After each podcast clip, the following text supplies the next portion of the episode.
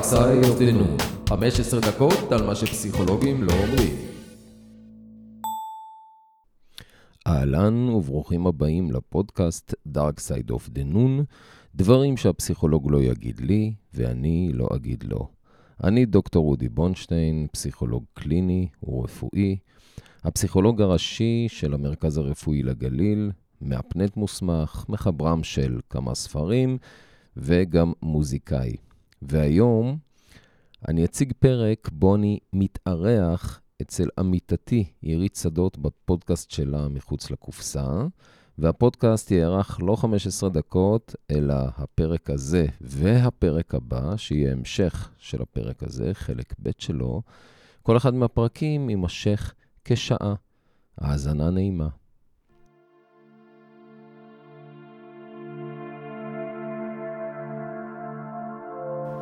אולם גדול. אורחים רבים שאנו מקבלים את פניהם, ביניהם אירמה, שמיד אני לוקח אותה הצידה, כאילו כדי לענות על מכתבה, לנזוף בה על שלא הסכימה לפתרון. אני אומר לה, אם עדיין את חשה כאבים, הרי שזוהי אשמתך.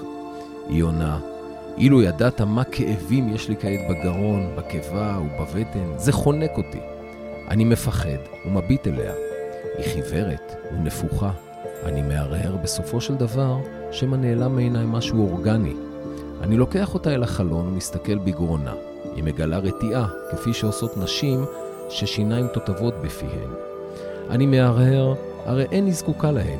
היא פותחת את הפה כנדרש, ואני מוצא מצד ימין כתם גדול, ובמקום אחר אני רואה חזזית לבנבנה אפורה, נרחבת, על גבי תצורות מסולסלות מוזרות, שנעשו מן הסתם בדוגמת קונכיות האף. אני ממהר לקרוא לדוקטור מם, החוזר על הבדיקה ומאשר אותה. דוקטור מם נראה לגמרי אחרת מאשר ברגיל. הוא חיוור מאוד, צולע, וסנטרו הוא ללא חתימת זקן. ידידי אוטו עומד אף הוא בסמוך לה, וידידי לאופולד בודק אותה בהקישו על החזה שלה ואומר, יש לה עמימות משמאל למטה, ומצביע על תסנין בחלק האור שעל יד השכמה השמאלית. הרגשתי בכך כמותו על אף שמלתה. מם אומר, אין ספק זוהי הדבקה, אבל אין בכך כלום. עוד תתווסף דיזינטריה והרעל יופרש. אנו גם יודעים לאלתר מניין ההדבקה. לפני זמן מה, כשהרגישה את עצמה לא בטוב, הזריק לה הידיד אוטו תכשיר פרופיל, פרופילן, חומצת פרופיון. טרימטילמין, שאת נוסחתה אני רואה לפניי מודפסת באותיות גמלניות. זריקות כאלו אין לעשות בקלות ראש. קרוב לוודאי שגם המזרק לא היה נקי.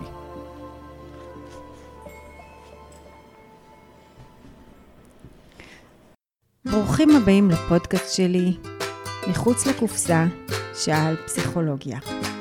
אני עירית שדות, פסיכולוגית קלינית מדריכה. הפודקאסט שלי מיועד לאנשי ונשות טיפול, ואנחנו נדבר על מה שקורה בשטח, על הפרקטיקות הטיפוליות השונות, על התיאוריות, וננסה לחבר בין השתיים. בנוסף, ננסה להרחיב את החשיבה שלנו ולדבר על הממשק בין פסיכולוגיה לתחומים אחרים. אז אני מאחלת לכם האזנה נעימה.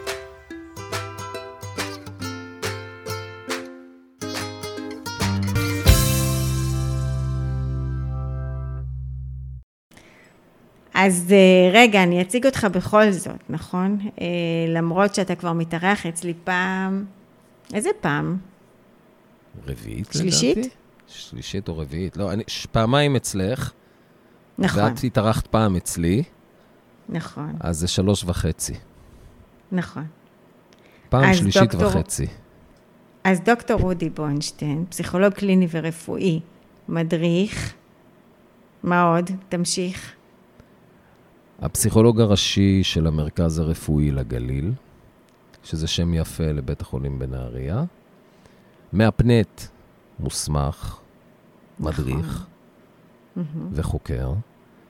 אה, כתבתי כמה ספרים, ואני גם מוזיקאי שסיימתי ממש עכשיו את לימודי המאסטר באקדמיה למוזיקה בירושלים, שזה כיף גדול. ממש, אז נשמיע נכון, גם שירים. כן. נכון. נשמיע אחר כך שירים. אז אולי קודם נגיד שהפרק היום עוסק בנושא של חלומות. והקראת בהתחלה חלום של פרויד, מתוך uh, פירוש החלום. החלום הוא מהלילה שבין ה-23 ל-24 ביולי 1895, והוא על אירמה שהייתה מטופלת של פרויד. אז עוד פתיח אחד ונתחיל.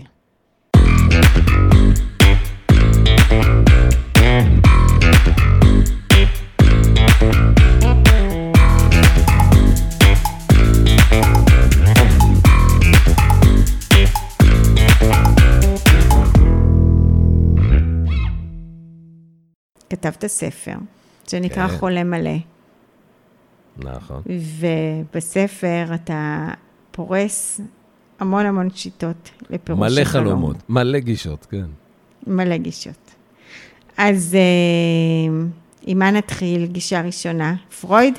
צריך להתחיל בפרויד, חושב, לא? כן, אני חושב שהמחקר שה, חלומות המודרני, אה, אם נתעלם מכל מיני גישות אה, עתיקות, אז זה מתחיל עם פרויד. אי אפשר, כמעט שלא ניתן למצוא גישה שמדברת על חלומות, שלא מזכירה או נותנת רפרנס לפרויד, גם אם מאוד מתנגדים לה. זה נכון לגבי כל דבר בטיפול.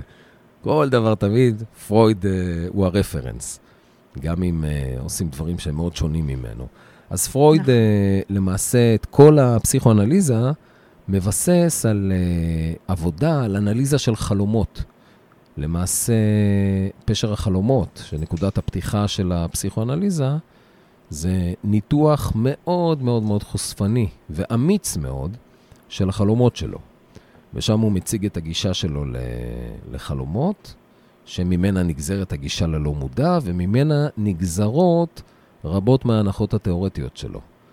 וחלק מהשיטות הטיפוליות, אחר כך השתנה, חלק מהדברים השתנו, אבל המון המון המון אה, חוכמה ו... ויופי יש בגישה הפרוידיאנית. אז לדעתי כדאי להתחיל מזה. יאללה, בוא נתחיל. קדימה. אז ספר על איך פרויד מנתח חלומות. פרויד מתייחס, ההנחה הראשונה של פרויד, שהיא מאוד חשובה להבנת הגישה שלו לחלומות, זה ש...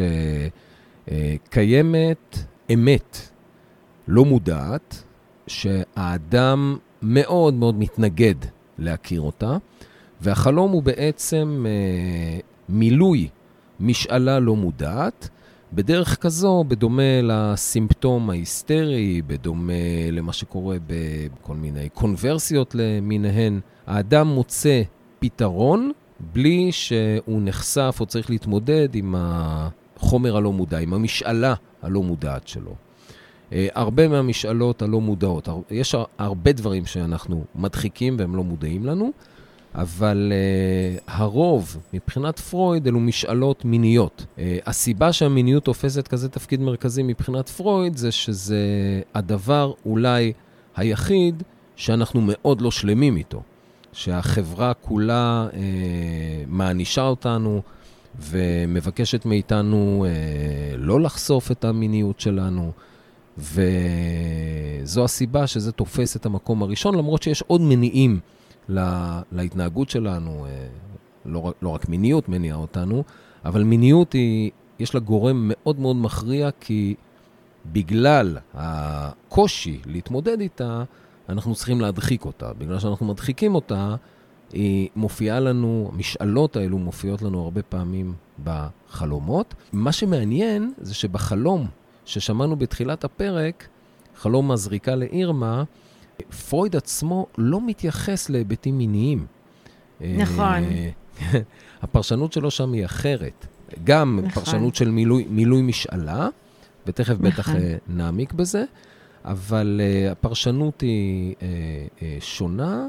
אני חושב שגם ביקורות, זה, זה, זה אולי החלום הכי, שזכה להכי הרבה ביקורות, הכי הרבה תגובות בספרות המקצועית. אני לא חושב שראיתי הרבה התייחסויות לנושא המיני, שם mm-hmm. היו המון המון נושאים אחרים מאוד מאוד מעניינים. אבל אה, דווקא החלום הזה, למרות שיש פה המון סמלים מיניים, כן, זריקה נכון. זה סמל מיני, נכון. אה, יש שם אה, עניינים של משיכה, בדיקה, כן, אה, בדיקות גופניות, אה, פתיחת הפה, שזה... אה, מהמם. יכולה להיות שם משמעות מינית, רתיעה, אבל זה לא מקבל את הדגש. זאת אומרת, יש, יש דברים שנראים יותר, אה, אה, יותר בולטים, שתופסים יותר את הבמה. אה, כמה מילים על הגישה שפרויד אה, אה, עובד איתה. אז אה, אם אמרנו שההנחה היא שיש משאלה לא מודעת, שהחלום מסווה אותה באמצעות אה, מה שפרויד מכנה עבודת חלום, שזה כולל אה, כמה מנגנונים שהתפקיד שלהם ליצור עמימות ושאנחנו נלך עם ונרגיש בלי. אה, למשל, עיבוי, קונדנסציה, אה, התקה, הסמלה והעברה לחשיבה בדימויים ויצירת נרטיב סיפורי, אלו לדעתי, אם אני זוכר נכון, עברתי על אה, אה, כל מהמם. הגישות שפרויד מציין. אה, אנחנו מקבלים תוצאה של אה, מעין סרט עלילתי, שאנחנו תוך כדי התרחשותו לא מודעים לזה שאנחנו אה, חולמים, אנחנו מרגישים שהדברים קורים באמת, למרות שהם יכולים להיות מאוד מאוד מוזרים. ועם ההתעוררות, החלומות החזקים שיש להם משמעויות רגשיות מבחינתנו נזכרים. לפעמים לא בצורה שלמה, לפעמים עם אה, השמטות ושינויים. ואז אנחנו מספרים את זה לעצמנו ומספרים את זה לזולת. יש לנו נטייה לספר את החלום. פרויד לא שם דגש על אופן הסיפור, כי אותו מעניין, כמו שאמרנו, התוכן הלטנטי, התוכן הסמוי. התוכן מהמם. הגלוי מבחינתו זה רעש. אה, והוא מנסה להגיע באמצעות אה, הטכניקה האנליטית ל- למשמעות הסמויה, הלטנטית, החבויה, הלא מודעת של החלום. והדרך, אה, ב- בקצרה, זה על ידי אה, כלל האסוציאציות החופשיות, זה הכלל הבסיסי, כלל היסוד של הפסיכואנליזה, והמטופל מתבקש אה, להגיד כל מה שעולה בדעתו, בלי לסנן, בלי לחשוב אם זה הגיוני או לא הגיוני, ראוי או לא ראוי, ומתוך העבודה הזו של אסוציאציות חופשיות, בעצם אנחנו משיגים פרימה של התהליכים של עבודת החלום שתיארנו קודם. זה בעצם ללכת. הפוך ולהגיע ל... ליסודות שמהם אה, הורכב החלום. ומתוך זה, כשאנחנו מגיעים אה, אחרי עבודה מאוד אה, מאומצת לאלמנטים, למרכיבים הבסיסיים שיצרו את התשתית הלא מודעת לחלום, אנחנו מנסים לזהות מה המשאלה הבסיסית, הראשונית, הלא מודעת, שכנראה מאוד לא נוח איתה, שבה החלום התעסק, ובעצם החלום מהווה את המילוי שלה. וזה באמת אה, אחת ה... אה, אחד הדרכים היעילות וה... והיפות להגיע אל האזורים הלא מודעים. יש עוד דרכים. טיפול היפנוטי יכול להגיע לזה. אז רגע. כן. נכון. אבל רגע, בוא נעצור שנייה, על הדבר, בוא נתעכב שנייה על אה, עיבוי, על התקה. מהמם. עיבוי בעצם זה, עיבוי זה מצב שבו אה, אה, תכונות של אה, שני אה, אובייקטים, אנשים או דברים שונים, מתקבצים אה, ל-. לדימוי אחד בתוך החלום. למשל, אה, דמות בחלום שכוללת בתוכה, מזכירה לי שתי דמויות שאני מכיר. כן, זה מזכיר לי, אה, נגיד, זה הפנים של אה, משה, אבל יש לו את הנוכחות ואת התנועות של אימא שלי, כן? ואז השילוב הזה של משה ושל אימא שלי, הוא דורש, דורש uh, כמובן הסבר, כי מן הסתם uh, לאימא שלי יש חשיבות מאוד גדולה בעולם הפנימי שלי. אולי גם למשה, אני לא יודע. אם, אם הוא כן. התעבה איתה ביחד, כנראה שגם לו יש משמעות. אוקיי, ובוא נדבר על התקה. התקה זה מצב שזה זה טכניקה שהמנגנון הנפשי שלנו עושה, שבו הוא לוקח אה, תכונות מסוימות של אה, אובייקט מסוים, כן, ושם אותה, אה, שם אותם על אובייקט אחר. זה ממש כמו מנגנון ההגנה של התקה, כמו שאנחנו מכירים, מהמם. שאנחנו אה, מעבירים אה, משהו מסוים מדבר אחד לדבר אחר, ואז אה, כן, יש, יש לנו אה, בעצם דרך שבה, זה כמו, כמו בקולנוע, כן? אני משתמש בסימבול שמקבל אה, משמעות שהיא, אה, אה, המשמעות המקורית היא אחרת, היא שייכת לאובייקט אחר, לאדם או, או מחשבה או תכונה אה, אחרת. אז יש לנו את העיבוי, יש לנו את ההעתקה, ההסמלה זה מצב שבו, כמו שזה נשמע, שאנחנו מטעינים משהו מסוים ב, ב, כן, ב, בסמליות.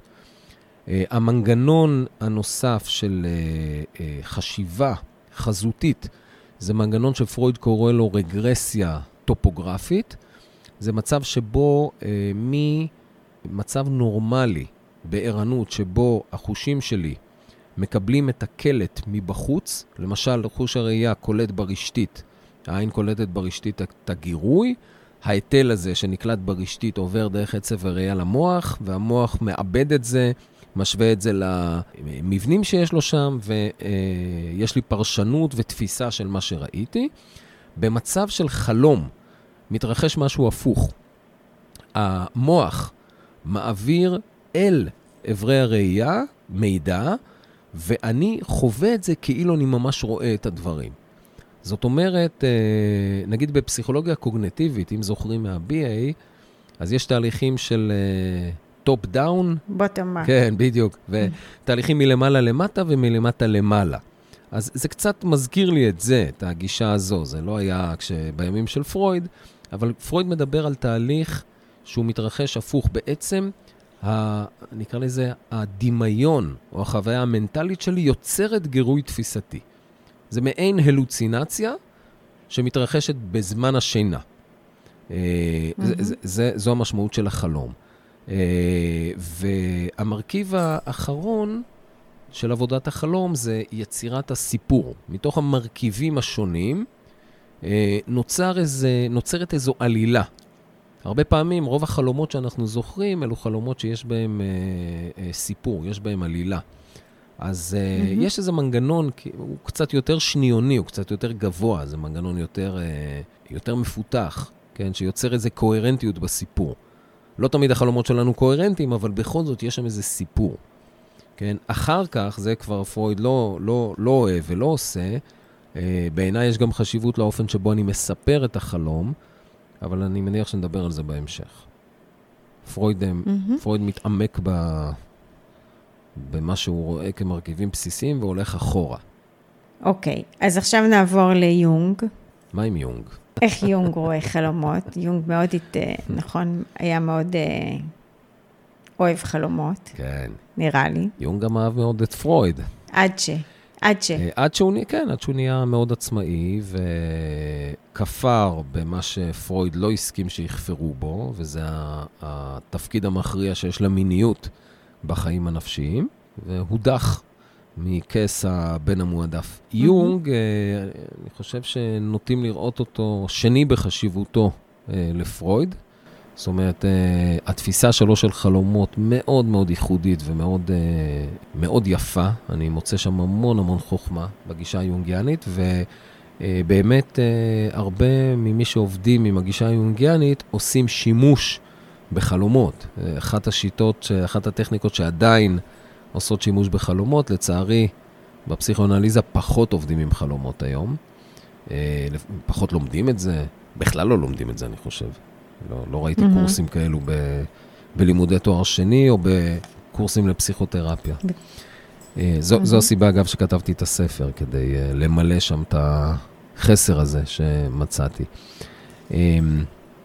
יונג מוסיף על התפיסה הפרוידיאנית שני דברים שהם אה, מאוד מאוד מאוד חשובים, ומהם נגזרים גם אה, דרכי העבודה שלו.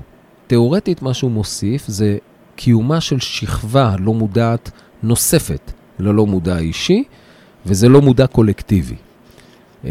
יונג טוען שלכל האנושות, או לחברות, אפילו חברות גדולות מאוד, יש תשתית תרבותית לא מודעת, שבאה לידי ביטוי ב, ב, בתוך התרבות, למשל בסיפורים, באגדות, ב, בארכיטיפים, שזה הנושא השני שהוא מדבר עליו, ואלו uh, באים לידי ביטוי גם בחלומות. ויונג מדבר על חלומות uh, רגילים, כן, שאותם מנתחים לפי הגישה הפרוידיאנית, והוא מדבר על חלומות גדולים, שאלו חלומות שיש בהם אה, אה, אה, מסרים, ארכיטיפיים או מסרים כלליים מאוד. אה, ושיטת העבודה שלו היא לנסות ולעשות את ההפרדה הזו בין התוכן האישי לבין התוכן הקולקטיבי. כשאת התוכן הקולקטיבי אני יכול גם אה, אה, להציע מתוך, ה, מתוך הידע שלי, מתוך הידע שלי כמי ששותף גם לתפיסה, ל, ל, ל, חולה גם את אותו לא מודע. מבחינת שיטת העבודה היונגיאנית, אז ממש בקצרה, אני אגיד שמבחינת יונג, אה, אנחנו עושים, הוא רואה אה, הרבה פעמים את החלום כאמצעי נפשי שהתפקיד שלו ליצור קומפנסציה, ליצור פיצוי שאמור לאזן אה, מצבים נפשיים שונים ש, ש, שיוצאים מאיזון. עוד תפיסה מאוד יפה שלו שנגזרת מתוך ההבנה שלו את המבנה של הנפש, זה שהתפקיד של החלום זה גם ליצור אה, אינטגרציה של חלקי אישיות. אני אגיד את זה לא במילים של יונג. מפוצלים. זהו, זה לא מפוצלים, זה דיסוציאטיביים יותר. קוראים לזה מפוצלים, כי זה הז'רגון הפסיכואנליטי, אבל יונג מדבר על, מצ... על משהו שהוא יותר דיסוציאטיבי. ואחר כך אנחנו מוצאים את זה בגישות נוספות, כמו בגשטלט וכמו... התייחסותית. כן, בגישה ההתייחסותית. אז uh, uh, אצל יונג זה בתוך, ה, בתוך ה, ממש חלק מהתיאור, מהגישה שלו, מהתפיסה שלו, uh, ובעיניי זה מאוד מאוד יפה, ו, ומוסיף, באמת מוסיף uh, לא מעט שכבות לתפיסה הקלאסית הפרוידיאנית. Mm-hmm. אז בעצם אנחנו עוברים ממילוי משלה, אליבא דה פרויד, לפיצוי ולאינטגרציה. כן. לפי יונג, כן. נכון? אז אה, אולי נמחיש עם דוגמה? אה, אפשר לראות דוגמה מהספר אולי. הנה. אה, דוגמה טוב. לחלום, דוגמה לחלום של יונג, שנמצאת בספר שלי, חולה מלא, בעמוד 48. זה, ספ... זה דוגמה שיונג חלם בשנת 1909, והוא מביא אותה כדוגמה לארכיטיפ. אז אה, יונג אומר שהוא היה בתוך בית לא מוכר, שהיו לו שתי קומות. הוא ידע שזה הבית שלו. הוא מצא את עצמו בקומה העליונה, שם היה מעין סלון מרוהט בריהוט עתיק בסגנון הרוקוקו. על הקירות היו ציורים עתיקים ויקרים. לא רע שזה הבית שלי, חשב יונג. הוא ירד במדרגות ובדק את קומת הקרקע. הכל היה שם עתיק יותר, והוא הבין שהחלק הזה של הבית חייב להיות מהמאה ה-15 או ה-16. הכל היה חשוך. הוא הלך מחדר לחדר וחשב, עכשיו אני חייב לחקור את כל הבית. הוא הגיע לדלת כבדה ופתח אותה. מאחוריה היו שכבות לבנים ושבבי לבנים ביתית. ברגע שראה, ראה את זה, הוא ידע שהקירות מתוארכים לתקופה הרומית. העניין שלו גבר. הוא הביט ברצפה באופן מדוקדק יותר וגילה טבעת באחד מלוחות האבן. כשמשך בה, התגלה גרם מדרגות נוסף וצר שהוביל מטה, למעמקים, למערה חצובה בסלע. באבק הסמיך שכיסה את הרצפה היו מפוזרים עצמות וכלי חרס שבורים, שרידי תרבות פרימיטיבית. היו שם גם שתי גולגלות שבורות, ישנות מאוד ומתפרקות. מה את אומרת על החלום, עירית? מה אתה מתקיל אותי עכשיו? לא, מה האסוציאציה שלך? זה ארכיטיפ, זה... כולנו אמורים... אה, להכיר את זה. מה, שיונג אה, אה, רואה בחלום הזה, ובעיניי זה יפהפה, ואני יכול להגיד שאני משתמש במוטיב הזה בלא מעט מעבודות ההיפנוטיות שאני עושה, הוא רואה בזה גילוי של אזור חדש בלא מודע שלו. כן, אה, תחשבי על הדימוי הזה, הוא יורד למטה למקומות מאוד ישנים, מאוד עתיקים, הוא מתארך אותם, זאת אומרת, החלום mm-hmm. מתארך את זה לתקופות אה, מוקדמות מאוד, זה זיכרונות מוקדמים, ו... ו והגרם מדרגות שהוא נכנס אליו, זה אותו אזור שהוא מגלה בבית, זה הבית שלו, כן? הוא מגלה משהו שהוא לא ידע. הבית שלו זה בעצם דימוי לנפש שלו. וזה דבר מדהים שמתקשר לאופן שבו אה, אה, אנשים חווים שמשהו בנפש שלהם מתרחב ומתגלה להם בתוך טיפול. כן, אז uh, uh, החלום מדבר בעצם על החשיפה, או המפגש, או הגילוי עם אזור נפש שהיה uh, לא מודע לפני כן. ובעצם הוא מגלה שם, כן, הגולגלות המתפרקות וה, והאבק, ואז הוא מגלה שם אה, אה, שרידים של, mm-hmm. כן, של זמנים קדומים מבחינתו. אם mm-hmm. אנחנו מתעלמים מההיבט, ה, כן, האולי מפחיד שיש שם, ואני אגיד בסוגריים, להיכנס ללא מודע זה מפחיד בכל מקרה, אז לא, לא, לא צריך להתעלם מזה לחלוטין, אבל הסיפור כאן זה לא סיפור אימה. זה לא סיפור אימה שאתה רואה גולגלות ואתה מפחד, וואי, וואי, זה מוות. זה לא, זה, זה לא הסיפור. הסיפור מבחינת יונג, הסיפור הארכיטיפי, זה כניסה אל הלא מודע וחשיפה של אזורי נפש חדשים שלא היו גלויים לו לפני כן. זאת אומרת, במונחים של פרויד mm-hmm. זה לגלות, uh, באמת לגלות אזור נפש חדש, חדר חדש בבית. Mm-hmm. כן, שזה נכון. כן, דוגמה, דוגמה בעיניי מאוד יפה של העבודה היונגיאנית. יש עוד דוגמאות, אבל... Uh, אני חושב שנסתפק בזה. כן. אז נעבור לנאו-פרוידיאנים. Uh, הנאו-פרוידיאנים, uh, נחלק אותם לשניים, כאילו נחלק את ה... נגיד את הקוהוט והאינטרסובייקטיביים, וגישות האגו, ה ego psychology שהתפתחו uh, מאוחר יותר, הם בסוף ככה, אני חושב, משתלבים, משתלבים ביחד. הכיוון שמגיע אחרי פרוד באזור, אה, נגיד, שנות ה-50 של המאה הקודמת, זה דגש גובר והולך על ההיבטים המודעים של החלום, בעיקר לאופן שבו מספרים את החלום. ואז אנחנו מוצאים למשל אה, אה, אריק אריקסון, שיש לו גישה מאוד יפה וייחודית לחלומות, ותיאורטיקנים נוספים שמדברים על ההפרדה בין החלק בעצמי שחווה את החלום, לבין החלק שמבין את החלום. כן, יש את החלק שחולם ואת החלק שיודע שאני חולם. אה, ושיכול לעשות על זה איזושהי עבודת התבוננות. יש גישה נוספת שאני מאוד מאוד מאוד אוהב, שמדברת על החשיבות של האופן שבו אני מספר את החלום. החלום בעצם אין לו קיום, אלא אם אני מספר אותו. החלום הוא לא רק יצירה פרטית, mm-hmm. הוא יצירה שהיא מסופרת. ובספר שלי, אפרופו, בספר שלי אה, אני אה, נותן כדוגמה את אה, יוסף, יוסף בעל החלומות, שהייתה לו, לו אובססיה לספר את החלומות שלו. עכשיו, היו לו חלומות, mm-hmm. חלומות בהתחלה די כן, די אינפנטיליים, כן? חלומות mm-hmm. אה, שהוא נפלא וגדול, והאחים שלו קטנים וזה, ו... Mm-hmm. אה, והוא גם היה כל כך חסר מודעות שהוא טרח לספר להם את זה. אה, יש אה, מערכונים יפים ב... ביהודים באים על, ה... על יוסף, ובחלומי, כן. זה מגיע לזה שהם בסוף מתעצבנים עליו, זורקים אותו לבור, עושים ככה תרמית כזאת שהוא uh, מת, והמצרים חוטפים אותו.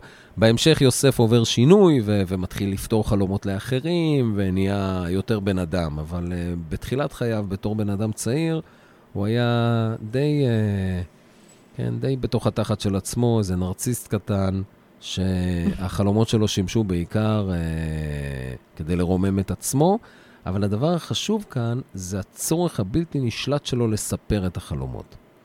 אם נלך אה, 20-30 שנה קדימה, כשיוסף אה, אה, בעצם אה, אה, בונה את מעמדו בחצר המלוכה המצרית, והופך בהמשך למנהיג אה, רציני, באמת מנהיג, אה, מנהיג חשוב בעם היהודי, אז uh, אנחנו רואים את אותו צורך אצל האנשים שסבבו אותו.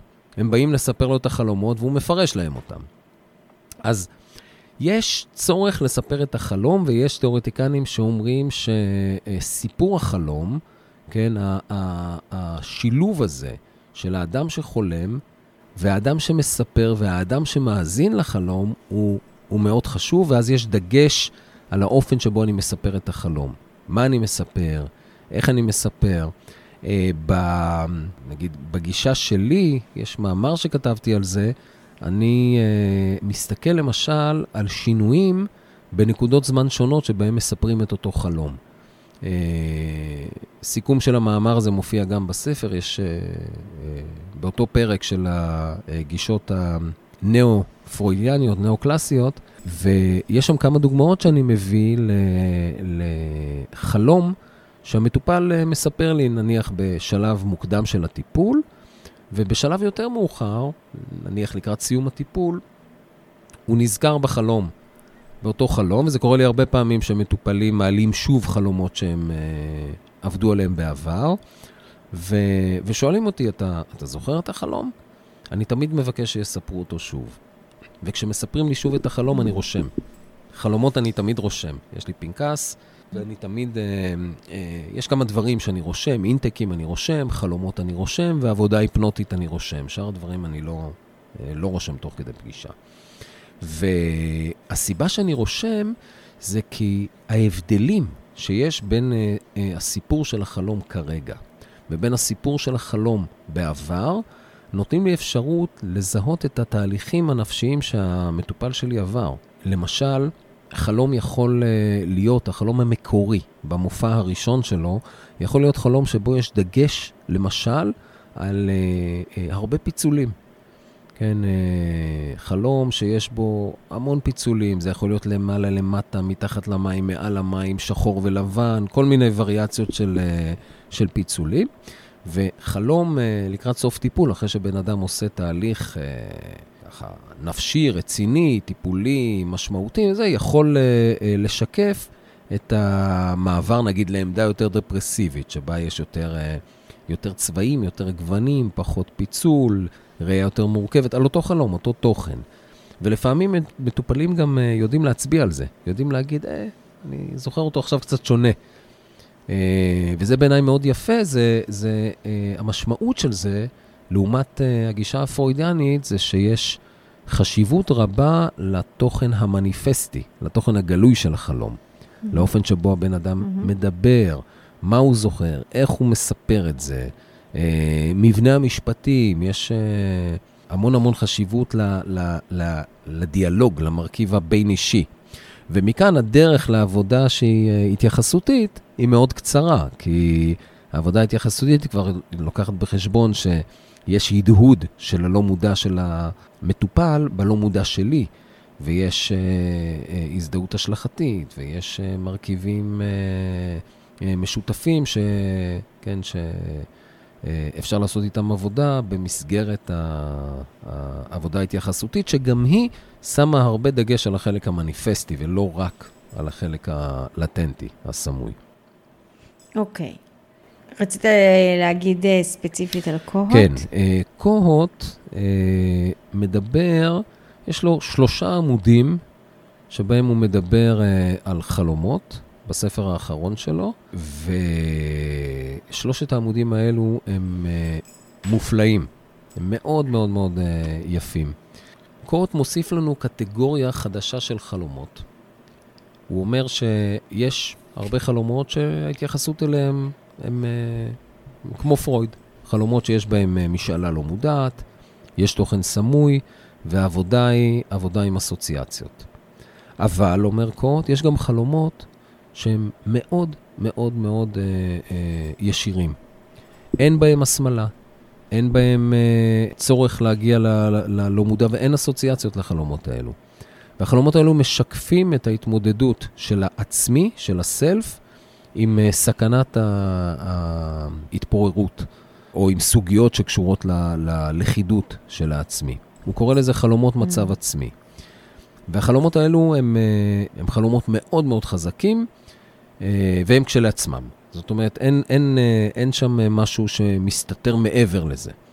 אה, והוא נותן כל מיני דוגמאות לסוג הזה של החלומות, שגם שם, כמו בגישה הקודמת שדיברנו עליה, הגישה אה, פוסט-פרוידיאנית, אה, יש חשיבות ואפשרות לנטר את התהליך הטיפולי, זה כבר אדפטציה שלי, הבנה שלי למה שקוט אומר, אז אפשר לנטר את ההתקדמות הטיפולית על ידי אה, מעקב אחרי אופי חלומות העצמי. זאת אומרת, אה, כשהעצמי mm. נמצא בסכנה של התפוררות, יהיו שם אה, ניסיונות להתמודד עם זה בחלום, לבטא את החרדה הזו ולבטא את ה... אם על ידי קומפנסציות, כמו שיונג אומר, ואם, כן, הולכים לכיוון של... אני יודע מה, לעוף לכיוון השמש, כן? זה אה, דימוי נרציסטי אה, קלאסי כזה. אבל אה, יכולות להיות עלילות או תמונות שבהן קורים דברים הפוכים, של התפוררות, של התפרקות, של אובדן. גם נפילה? אני חושב שנפילה, חלומות זהו. נפילה פרויד כאלה? מתייחס לחלומות נפילה כאל חלומות טיפוסיים, חלומות שמוצאים אצל הרבה אנשים. ואני חושב שקורט יכול אה, להתייחס לחלומות נפילה כאל חלומות של אה, איום על העצמי, בהחלט. האינדיקציה תהיה אם אה, יש לחלום אסוציאציות או לא. חלום שיהיה לו אסוציאציות, אז אנחנו נעבוד עם האסוציאציות בהתאם לגישה הפרוידיאנית הקלאסית. חלומות שזה ייצר ולא יהיו אסוציאציות, לא יניב המטופל קו של אסוציאציות שאפשר לעבוד איתן, אז ההנחה תהיה שזה אה, אה, מסמן התמודדות עם אה, חרדת, כן, התפרקות. inhalation, עיון, okay. אוקיי. חרדת עיון, התעיינות. דיברת קודם קצת על ההתייחסותיים, על, ה... על הדינמיקה הזאת, שהלא מודע של ה... המטופל ולא מודע של המטפל. בוא נרחיב עוד קצת על החלומות אה, לפי ההתייחסותיים. אמ, אני, אני חושב שהגישה לחלומות היא תהיה מאוד אה, דומה לגישה ההתייחסותית בכלל. זאת אומרת, לא, אני לא רואה שם משהו שהוא שונה אה, מהעבודה, ה, נקרא לזה, הרגילה של הגישה ההתייחסותית או האינטרסובייקטיבית. אני אתן איזה השלכות מעשיות של הגישה הזו בהקשרים טיפה שונים. יש, אה, זה, זה מאוד בולט כשעובדים בקבוצה. כשעובדים בקבוצה עם אה, חלומות או עם, עם לא מודע, אני מוצא את זה גם בעבודה היפנוטית, אז יש, אה, מהר מאוד נוצרת חוויה שלקבוצה יש לא מודע משותף.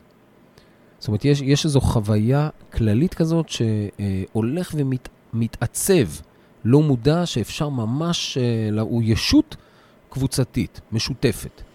זה קורה גם בטיפול פרטני, אבל בקבוצה זה מאוד מאוד מאוד חזק.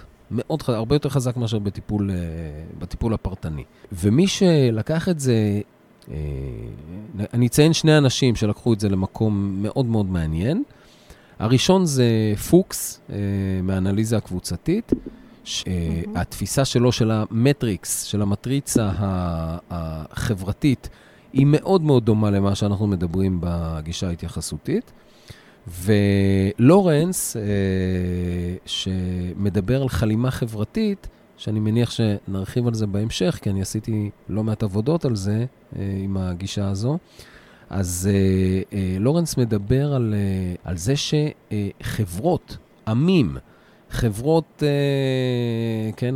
ארגונים, חולקים אה, לא מודע משותף שבא לידי ביטוי גם בחלומות, ואפשר בעצם לעבוד עם אה, חלימה, מטריצת חלימה חברתית, הוא קורא לזה, המטריצה זה שאול מפוקס, שהזכרנו קודם, ולמעשה אנחנו יוצרים, כל אחד תורם אסוציאציות מתוך חלומות שאנשים מספרים.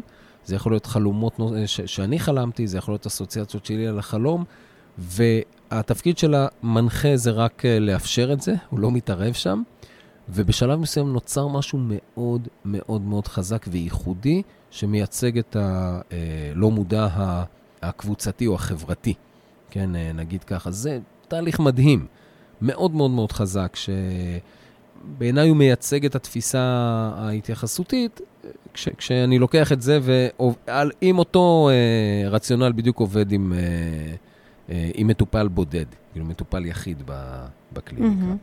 אוקיי. Okay. אולי נעשה, אתה רוצה שנקרא את הדוגמה של הקבוצה שאתה הנחית? זה היה דווקא מעניין בספר. אה, אפשר לקרוא אותה.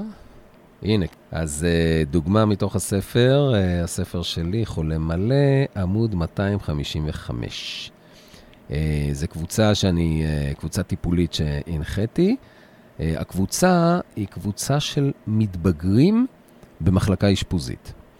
כל השמות והפרטים בדויים, ככה שאין חשש לזיהוי. אז חברי הקבוצה הם חמישה מתבגרים ומתבגרות במחלקה האשפוזית. הם נכנסים לחדר ותופסים את מקומם. אני שואל, איך אתם מרגישים? דני עונה, השמות כמובן בדויים, דני עונה, סבבה. אורן עונה, בסדר. מיכל אומרת, ככה ככה. אסנת אומרת, ככה ככה. אני מתבונן במשתתפים ומשקף בקול שקט. סבבה, בסדר, ככה ככה. מיכל אומרת, אמרתי ככה ככה כי אני מרגישה מועקה בגלל חלום שחלמתי. אני מסתכל עליה ככה במבט אה, מאפשר, כן? והיא מתחילה לספר. אני רואה תינוק במכונית, לבדו, הוא נחנק, נהיה אדום. אני מנסה לרוץ ולקרוא לאימא שלי, אבל יש רוח חזקה ואני לא מצליחה להתקדם. משתרר שקט. אני מבקש ממיכל להרחיב מעט על ההרגשה. אבל חברי הקבוצה קוטעים אותה בטרם היא מספיקה להגיב ומתחילים לספר חלומות שלהם. אסנת אומרת, חלמתי שהקירות של המוסד מרוחים בחרא. דני אומר, אני חלמתי שאני משתתף בתחרות שחייה ושובר שיא גילי. הרקע זה שדני, שמשתתף בספורט הישגי, אה, אה, נכשל, זה אחת הסיבות שהוא התאשפז. נכשל וזה גרם לו למשבר מאוד מאוד רציני. אני לא יודע את זה בזמן המפגש. זאת אומרת, זה לא משהו שאני מודע לו, אני רק אחר כך אה, מקבל את האינפורמציה הזו. משה, שלא דיבר עד עכשיו, אומר, אני חלמתי שאני קופץ לשחות בבריכה ומגלה שזה שירותים. יש שם קקע צף, מורידים את המים ויש מערבולת. אני שוחה בבריכה שזה כיף ואז מגלה שזה שירותים. אורן אומר, אני חלמתי על משה ששובר ביצים של טווס. משה בבהלה, לא שברתי. נשמעים כמה צחקוקים והקבוצה מנסה להרגיע את משה שזה רק חלום. משה מתקשה להירגע, הוא באמת uh, חושב שמאשימים אותו. הקבוצה משתתקת, ואני מבקש התייחסות לחלום שהביאה מיכל. עולות אסוציאציות מחברי הקבוצה, ביניהן פחד, חנק, הורים, הזנחה, התעללות. דני שואל, אני יכול לספר עוד חלום?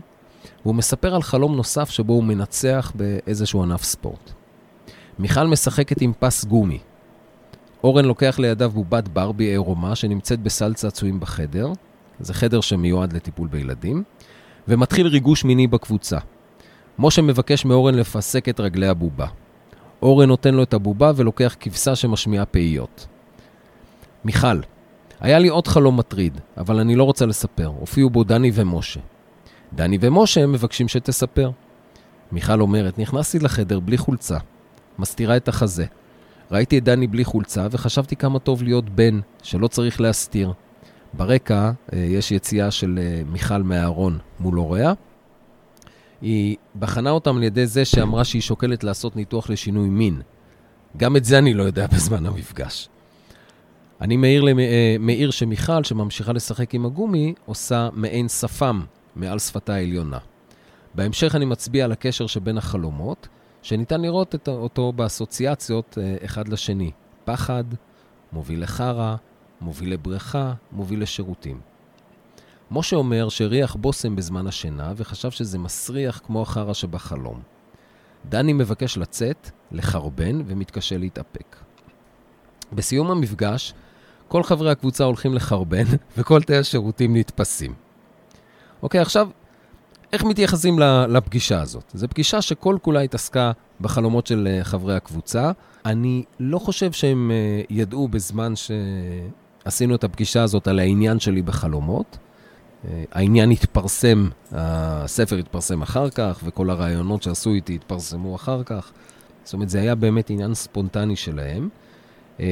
ואפשר להסתכל על זה ברמה של תהליכים קבוצתיים.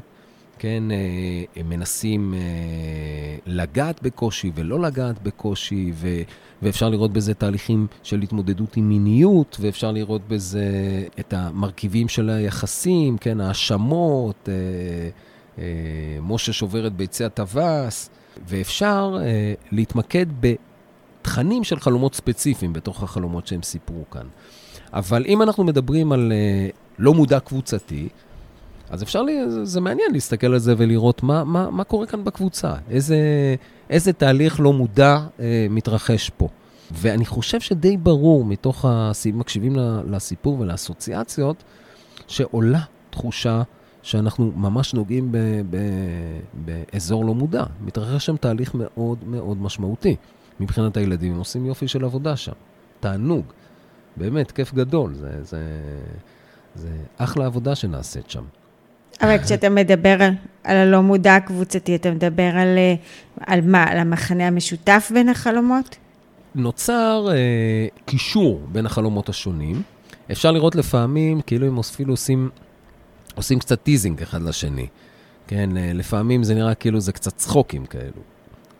חבר'ה מתבגרים, עושים... אה, אבל לדעתי, אה, התפיסה שלי, לפחות במפגש הזה, זה שהכל היה שם מאוד מאוד רציני, וגם הצחוק, אני מתייחס אליו, כמו להתנגדות רגילה. זאת אומרת, מותר uh, להרגיש קצת מבוכה וקצת צחוק, הם סך הכל מביאים תכנים מאוד מאוד משמעותיים, שבדיעבד, אני, שוב, אני לא ידעתי את זה באותו זמן, אבל בדיעבד זה, זה הדברים שהם מתעסקים איתם, ב, כן, גם בטיפולים הפרטניים שלהם.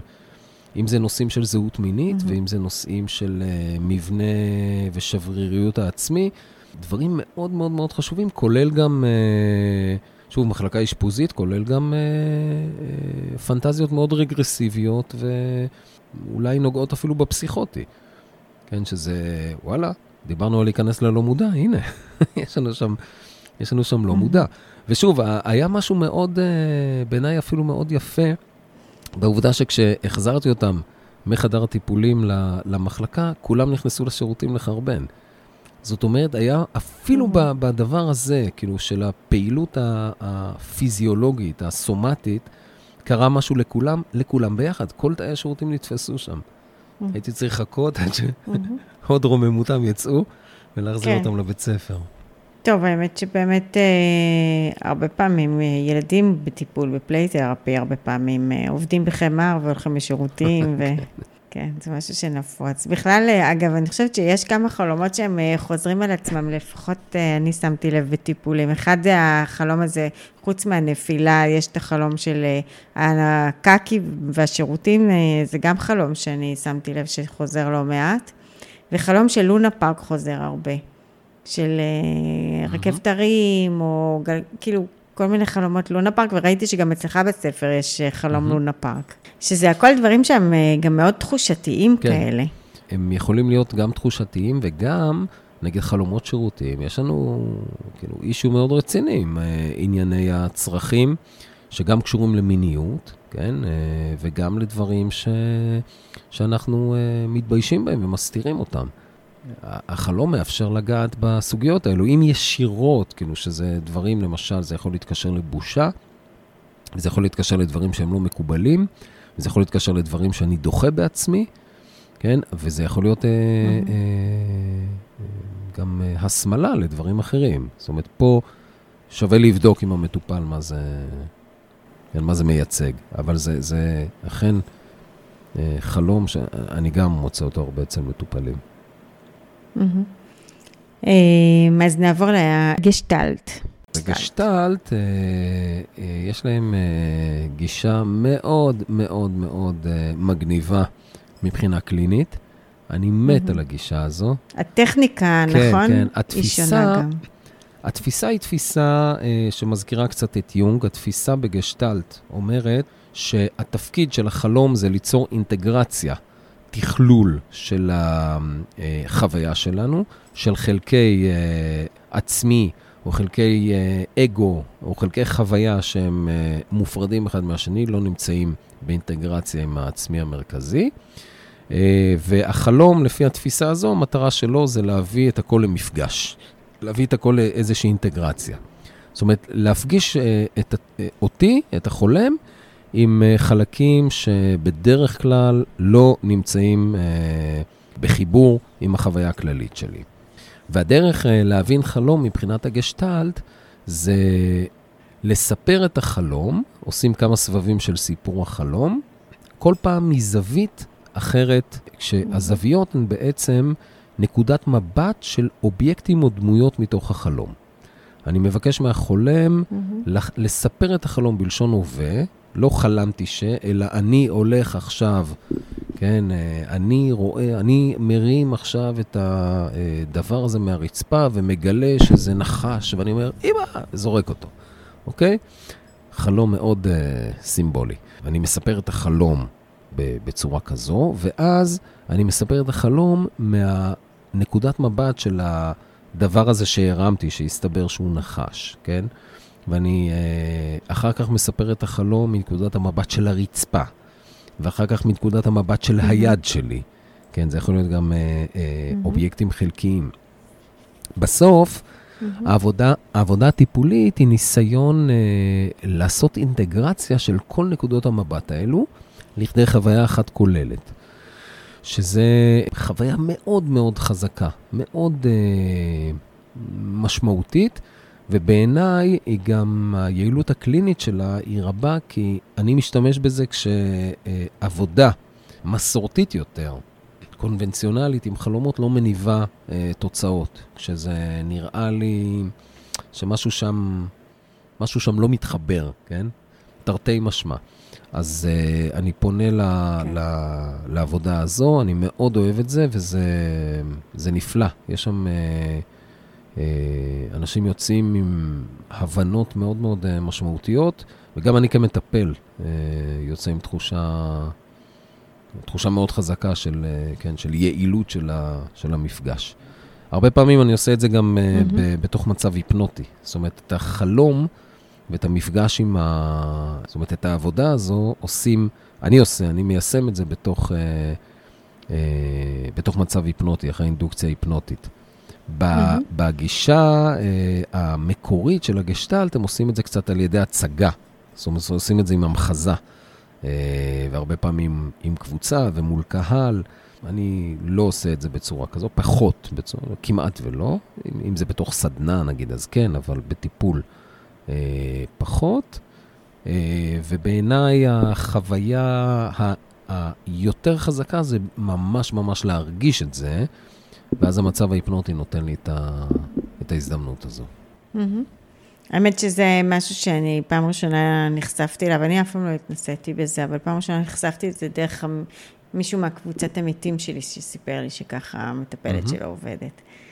ואז קראתי על זה בספר שלך. נשמע לי זה מעניין. זה מרתק. למרות שפעם אחת ניסיתי לעשות את זה לעצמי, ולא כל כך הצלחתי להיות פתאום איזה חלקיק אובייקט ולחשוב עליו, כאילו, לספר מ- מ- כחלק אוב... של אובייקט או כדומם. כן, אבל, אבל מה שיכול לעזור זה לעשות החצנה של זה. זאת אומרת, לספר לעצמך ב, ב, ככה, במחשבה, זה יכול להיות יותר קשה, כי ההתנגדויות וה, והלא מודע והצנזור עובדים.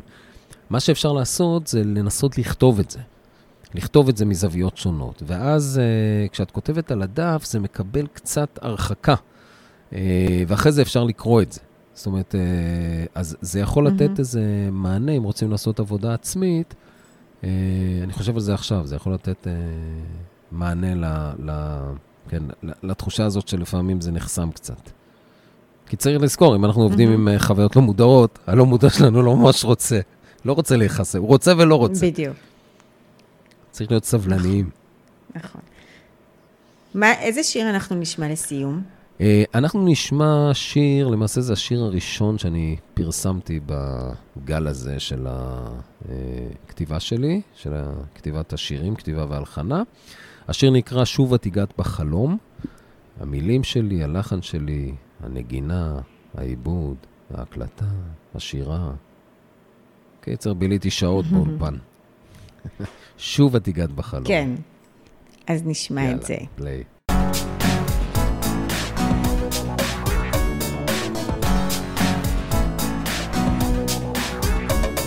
שוב את הגעת בחלום, לחלות את פניי. כשגשם מעבר חלונות, ותוכי כבר עטוף בשמיכה. וכשחם מבחוץ ובפנים שערה, מהדלת עולה נקישה.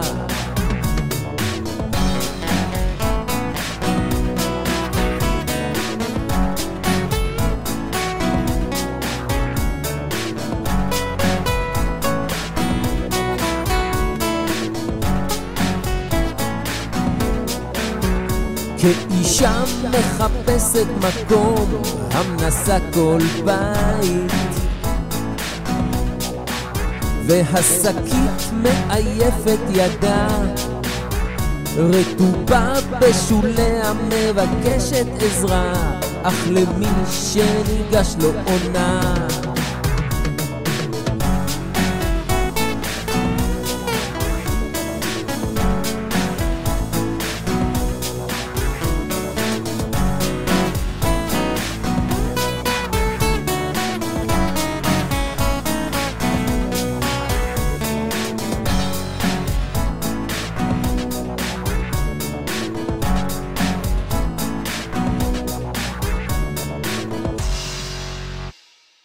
אז דודי, תודה רבה.